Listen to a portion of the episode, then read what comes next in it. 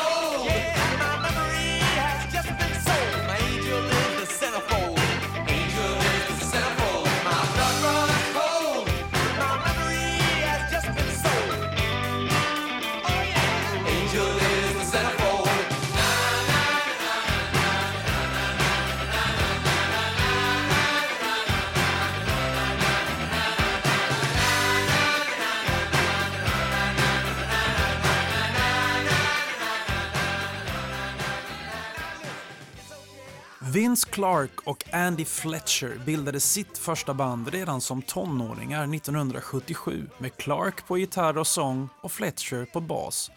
Innan de båda gick till andra och olika band. Innan man återförenades igen i mars 1980, då tillsammans med gitarristen Martin Gore och bildade bandet Composition of Sound.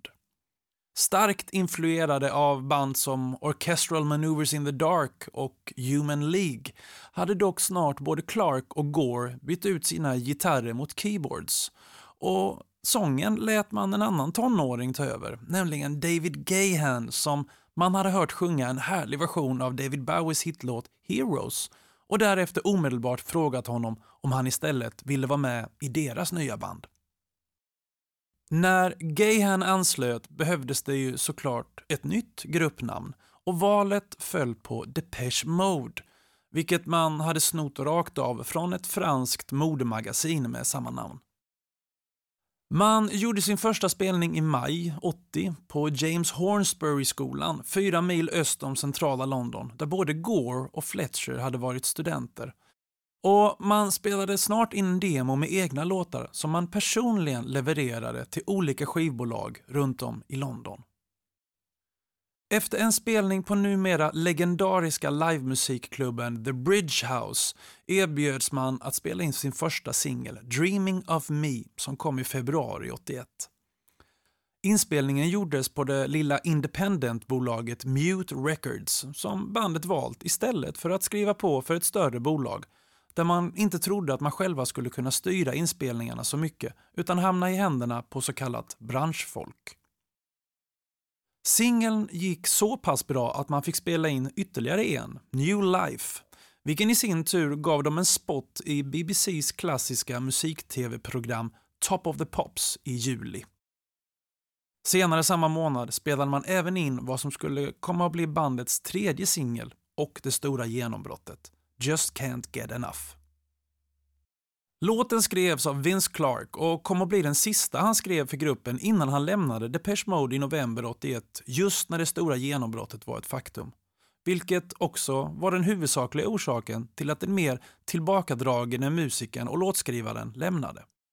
Han kom snart, men i en mer tillbakadragen roll, att dyka upp igen i gruppen Yazoo, som vi pratade om i poddavsnittet om 1982. Just Can't Get Enough hade skrivits och funnits i bandets live-repertoar sedan hösten 80 och singeln hösten 81 kom att låta mycket likt den låt man spelat live nästan exakt ett år tidigare på Technical College i Essex och som faktiskt finns kvar att lyssna på.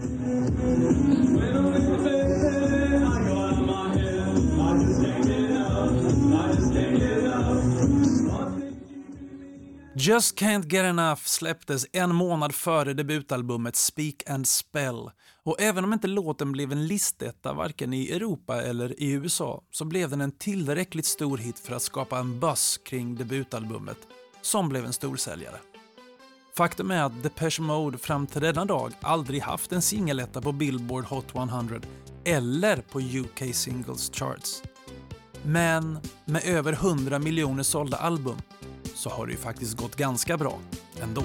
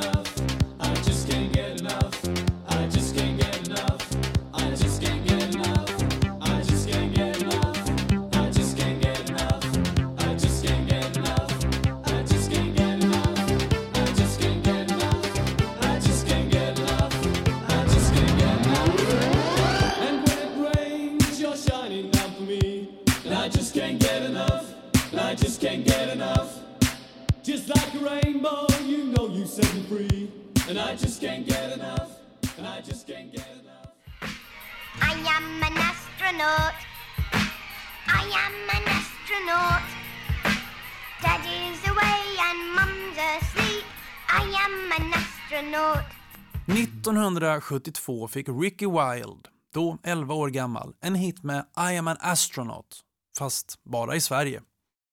Ricky och hans ett år äldre syster Kim växte upp på och vid sidan av scenen då deras pappa var Marty Wilde som var en av Storbritanniens första tonårsidoler som imiterade, spelade in och fick hits i hemlandet med amerikanska 50-tals rock'n'roll-låtar som till exempel A Teenager in Love och Blue Moon of Kentucky. Rickys inspelning av I'm an astronaut, som hade skrivits av pappa Marty, gjorde honom sugen på livet som artist och han började skriva egna låtar. Och som 16-åring fick han lov av Mickey Most, som var chef på RRK Records, att jobba med sina låtar i deras studio. Så småningom började Ricky ta in sin syster för lite körsång och när Mickey Most fick höra systerns röst reagerade han och bad Ricky skriva en låt för sin syster Kim som hon kunde sjunga lead på. Ricky stack hem till keyboarden i sitt rum, vägg i vägg med syrrans. Båda bodde fortfarande hemma. Och tillsammans med sin pappa skrev Ricky en låt samma kväll. Pappan stod för texten, Ricky för musiken och låten fick namnet Kids in America.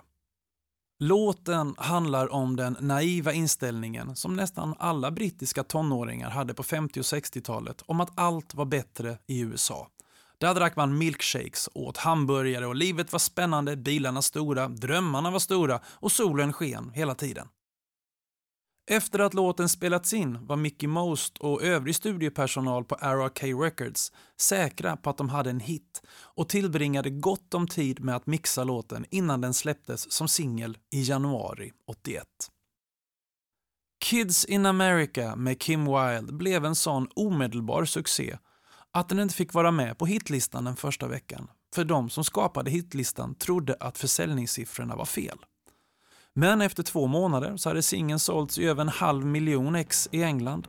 Och det lilla familjeprojektet mellan pappan och de två syskonen var snart en världsomspännande succé som än idag låter otroligt bra.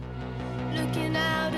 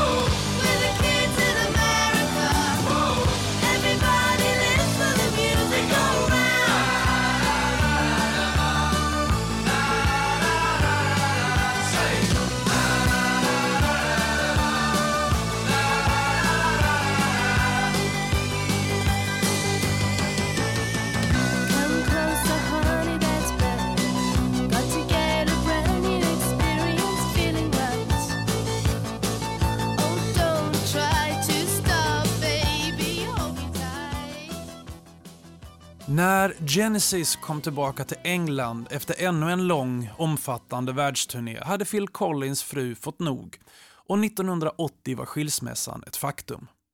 Hon lämnade och tog parets två barn och två hundar med sig och plötsligt hade Collins väldigt mycket tid för sig själv eftersom de andra bandmedlemmarna i Genesis dessutom sysselsatte sig med soloprojekt. Så Collins gjorde som dem. Han skaffade en liten inspelningsanläggning för hemmabruk och satte igång och testa och leka med ljud och instrument samtidigt som han tog långa och många pauser på den lokala puben. Ett av ljuden var trummaskinljudet på en tidig synt som kallades för Prophet 5 och som hade dykt upp två år tidigare. Han la en ackordföljd över trumljudet och till dessa ackord började han sjunga spontant vad som än dök upp. Orden bara forsade fram. Bitterheten, ilskan och besvikelsen över skilsmässan låg hela tiden i bakgrunden men textens rytm, bildspråk och frasering var helt och hållet improviserad.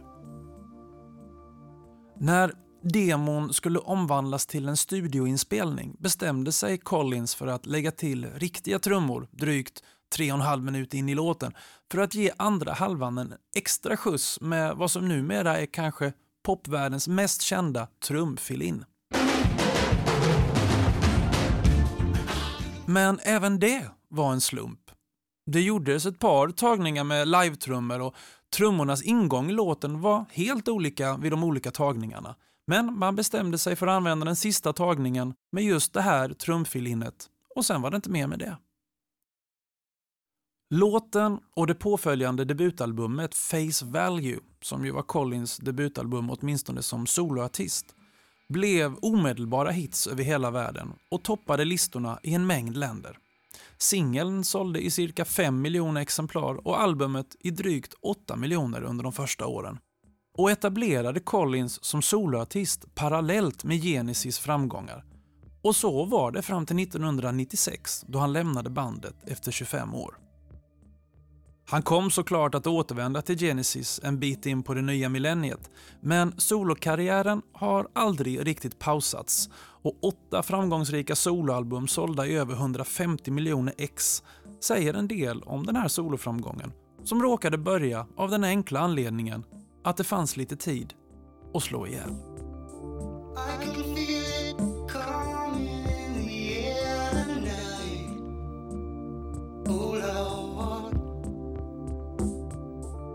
I've been waiting for this moment for all my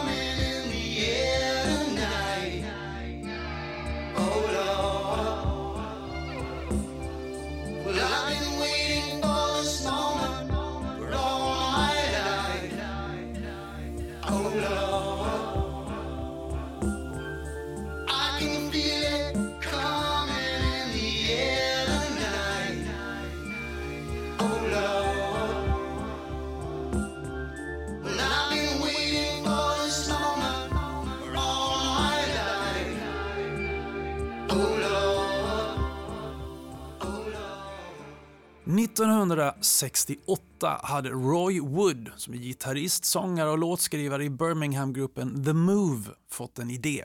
Han skulle bilda ett band som skulle använda fiol, cello, kontrabas och blåsinstrument för att ge musiken ett klassiskt sound kombinerat med rockmusiken.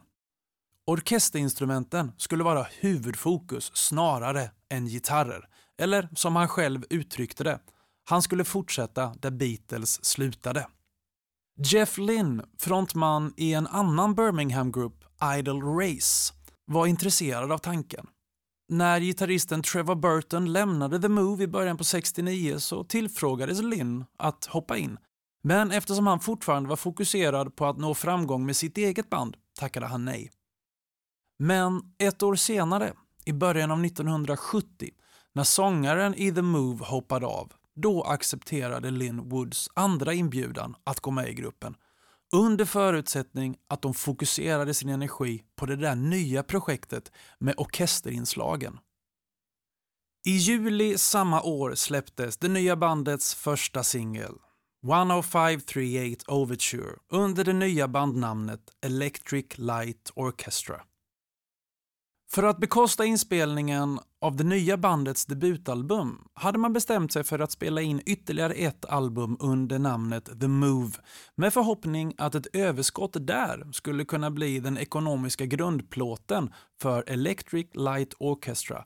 Men då 10538 Overture visade sig bli en topp 10-hit i England så överlappade de båda gruppernas hitlåtar varandra under en period. Det självbetitlade debutalbumet kom i december 71 och sålde bra. Men det var med det fjärde albumet, A New World Record, som kom 76 som man slog igenom över hela världen med hitlåtar som Telephone Line och framförallt George Harrison-doftande Living Thing. 1980 spelade man in albumet Xanadu tillsammans med Olivia Newton-John där titelspåret blev en jättehit. Men de orkestrala inslagen blev under åren färre och färre. Inför albumet Time hade bandet till slut blivit en rockkvartett och syntar ersatte stråkar och blåsinstrument och man började istället marknadsföra sig under akronymen ELO för att ordet orchestra inte riktigt längre passade. Och den första singeln som släpptes i den här nya kostymen var lyckopillret och 50-talsflörtande Hold On Tight. Låten är både till text och musik en okomplicerad, given hit och blev ännu en milstolpe i bandets framgångsrika karriär. Precis som Beatles hade gjort 65 i låten Michelle så följdes den första engelskspråkiga versen sedan upp av en mer eller mindre rak fransk översättning av den första. Det funkade 65 för Beatles och det funkade 81 igen för ELO. Men jag vill höja ett varningens finger. Kör inte bil till den här låten. Det kan gå lite för fort.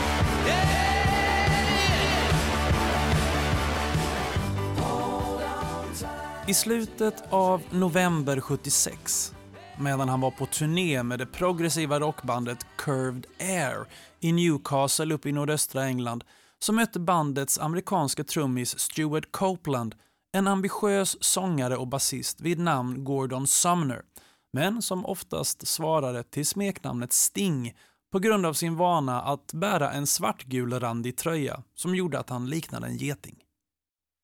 De två trivdes i varandras sällskap och utbytte telefonnummer. Och när Sting bara två månader senare, i januari 77, flyttade ner till London så sökte han, samma dag som flyttlasset gick, upp Copeland för en jam session. Copelands band Curved Air hade då splittrats och Copeland var inspirerad av den samtida punkrockrörelsen och var angelägen om att bilda ett band i den andan. Sting var mindre sugen på punken men insåg de kommersiella möjligheterna. Så de bildade The Police som en trio med gitarristen Henry Padovani rekryterad som den tredje medlemmen. I maj 77 spelade man in den självfinansierade debutsingeln Fallout, vilken recenserades positivt i tidningen Sounds Magazine av ingen mindre än Rolling Stones sångare Mick Jagger. Men inom en månad hade den begränsade Padovani ersatts av en betydligt mer kompetent och etablerad gitarrist, Andy Summers. Summers, Sting och Copeland hade träffats och spelat ihop på en hyllningskonsert till bandet Gong, men man hade även fyllt ut detta album med ett antal demolåtar från de olika artisterna. Bland annat en av Stings egna kompositioner som han hade spelat in redan hösten 76. Do I have to tell the story of a thousand rainy days since we first met? Vi hoppar fram fem år och tre album och The Police är nu ett mycket framgångsrikt och kritikerrosat band på båda sidor Atlanten. Det är dags att spela in nytt material och Sting har en demo liggande som han alltid känt är en hit, men samtidigt lite för soft för The Police. Bandet började jobba på låten, men det var någonting med demons energi som Sting inte lyckades återskapa igen. Så till slut bad han de andra bandmedlemmarna att helt enkelt spela sina instrument till sångspåret från den fem år gamla demon. Den akustiska gitarren togs bort och ersattes av elgitarr, elbas och trummor och dessutom, vilket var väldigt ovanligt för The Police, ett piano. Och Sting fick rätt. Låten blev en jättehit över hela världen och deras största i USA dittills. Och låten var en stor del av anledningen till att det kommande albumet som den fanns med på sålde i närmare 4 miljoner exemplar. Det skulle komma mer och större framgångar för The Police innan man upplöstes i mitten av 80-talet. Men för Sting var The Police bara början och inget mer så än demon från hösten 76.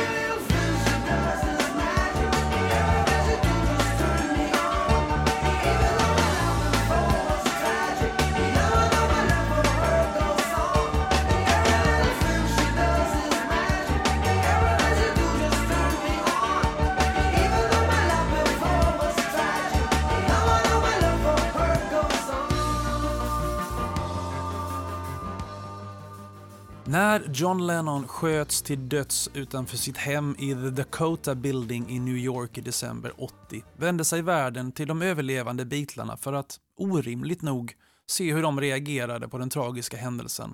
Och skulle det märkas i deras kommande musikaliska verk. Den av Beatlarna som först skrev en låt relaterad till händelsen var Harrison. Och låten släpptes i maj 81 och fick titeln All those years ago och kom att bli första gången sedan 1970 som Paul McCartney, Ringo Starr och George Harrison samarbetade på en låtinspelning. Musiken till låten hade spelats in redan under hösten 1980 och det fanns även en text klar och tanken var att Ringo skulle få den här låten till sitt kommande album Stop and Smell the Roses som höll på att spelas in och som innehöll nytt material från alla de övriga Beatlarna som man skrivit åt och skulle producera för Ringo. Men låten passade inte Ringo och istället fick han Wreck My Brain av Harrison.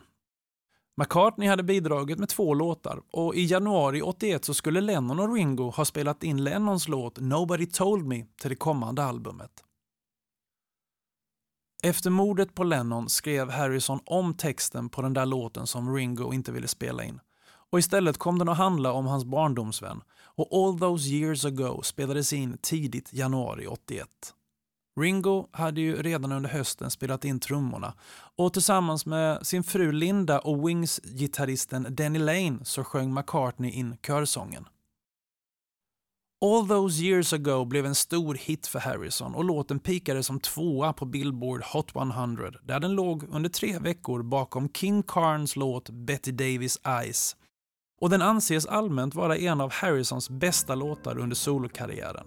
Och det är definitivt en av de bästa och mest kärleksfulla hyllningarna till John Lennon.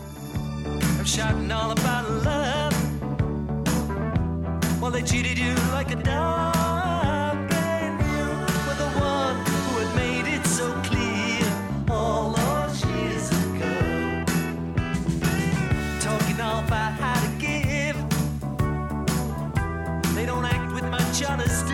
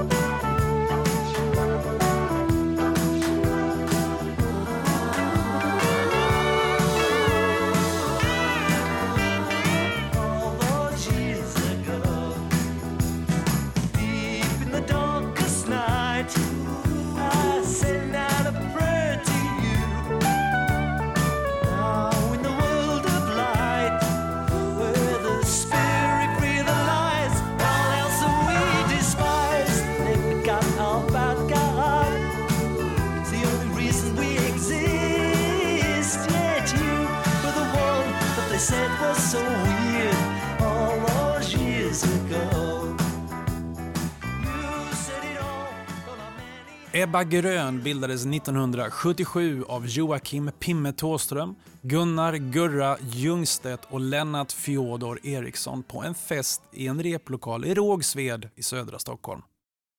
Replokalen var en del av ungdomsgården Oasen i centrala Rågsved och var otroligt populär bland musicerande ungdomar. Framförallt efter Ebba Gröns genombrott då musiker från hela Stockholm hängde där och Rågsved fick snabbt öknamnet Drogsved. Från början kallade sig bandet The Haters, ett namn påkommet av basisten Fjodor, men man bytte ganska omgående namn till Ebba Grön. Det namnet härstammar från en poliskod med anknytning till den så kallade Operation Leo, där den tyska terroristen Norbert Kröcher planerade att kidnappa dåvarande invandrarministern Anna-Greta Leijon. Då gripandet av Kröcher fick lov att utföras av Säpo utropades Ebba Grön i den interna radiokommunikationen. Första singeln med Ebba Grön kom våren 78 och innehöll låtarna Profit och Ung och sänkt och spelades in för egna pengar och trycktes i 500 exemplar. Man köpte sen själva upp samtliga 500 skivor och sålde dem vidare eller gav bort till kompisar och andra för att säkra att singeln spreds. Efter ytterligare två singlar så släppte man sitt debutalbum We're Only In It For The Drugs hösten 79. Låtarna var snabbt skrivna och lika snabbt inspelade i en portabel studio i en nedlagd industrilokal på Södermalm. Det var konfrontativt och kontroversiellt och en del av låtarna bojkottades av Sveriges Radio. När man vintern 80-81 gick in i studion för att spela in sitt andra album, Kärlek och uppror, så var arbetsprocessen lite annorlunda. Man hade nått viss framgång och arbetet var betydligt mer metodiskt, långsamt och professionellt. Många tyckte att detta var ett för stort steg från punkens rötter, men odiskutabelt så är skiva 2 mer välspelad och låter bättre. Och öppningsspåret från albumet är den numera klassiska 800 grader. 800 grader handlar om kärnvapenkrig och kritiserar på ett ironiskt sätt också den politiska situationen som rådde under 80-talet när många fruktade att kriget skulle bryta ut och att atombomberna skulle börja falla. Men den lite svarta texten till trots så blev låten en omedelbar förfestfavorit 1981 och är det faktiskt än idag, 40 år senare. Varför förklarar när jag slutar tro?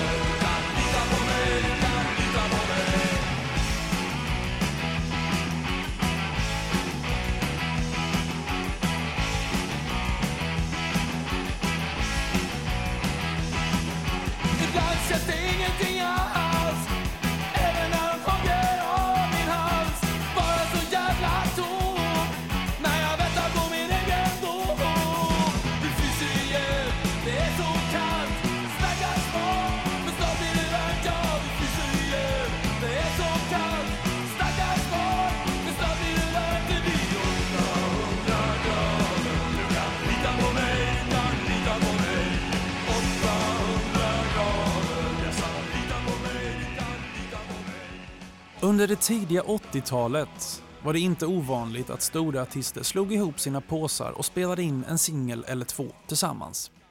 Diana Ross och Lionel Richie gjorde det med Endless Love, Kenny Rogers och Dolly Parton med Islands in the Stream och Paul McCartney gjorde det både med Stevie Wonder på Ebony and Ivory och med Michael Jackson på Say Say Say och The Girl Is Mine. Det var inte lika vanligt att rockband gjorde det här, men 1981 bjöd Queen in David Bowie till studion och resultatet blev låten Under Pressure som dök upp i oktober 81. Men samarbetet med Under Pressure var varken planerat eller smärtfritt. Bowie hade kommit till studion för att sjunga kör på en helt annan Queen-låt, Cool Cat, som sedermera kommer att återfinnas på albumet Hot Space 82, men då utan Bowies insats för han var inte nöjd med den och bad om att den skulle tas bort i slutmixen. Istället satte Bowie och bandet tänderna i en annan låt som Freddie Mercury hade skrivit, som de kallade för Feel Like och som slutligen blev Under Pressure, efter att hela bandet och Bowie hjälpt till med arrangemanget. John Deacons klassiska basgång, bestående av bara två toner, skapades av Deacon precis innan lunch en dag, men när gänget hade fått i sig sin pizza så kunde han inte längre komma ihåg vad han hade spelat innan lunch och trummisen Roger Taylor fick komma till undsättning och lyckades återskapa basgången. När sången skulle läggas på spelade Bowie och Mercury in sina sångdelar separat utan att veta vad den andra gjorde. Även om Bowie sägs ha tjuvlyssnat på Mercurys inspelning innan han gjorde sin egen. Och resultatet mixades sedan så att rösterna överlappar varandra på ett sätt som kändes både spontant och arrangerat på samma gång. Men allt var inte guld och gröna skogar. När inspelningen var klar och låten skulle just mixas så hade bandet och framförallt Mercury en väldigt klar bild över hur det skulle låta. Problemet var dock att det hade även Bowie och de båda var långt ifrån överens. Till slut gav både Deacon, Taylor och May upp och slutmixen blev en slags kompromiss mellan Bowie och Mercurys önskemål, men som åtminstone Brian May inte var helt nöjd med. Men nöjda, det var i alla fall fansen. Låten blev Queens blott andra singeletta i Storbritannien och även i övriga Europa och USA mottogs låten väl av både publik och kritiker. Queen inlemmade låten omgående i sin live-repertoar medan Bowie inte sjöng låten live inför publik förrän 1992 på Freddie Mercurys hyllningskonsert när han gjorde den tillsammans med Annie Lennox. Lite för sent, men kanske ett tydligt tecken på att det i slutändan av mixningen 1981 kanske trots allt var Mercury som hade fått mest som han ville.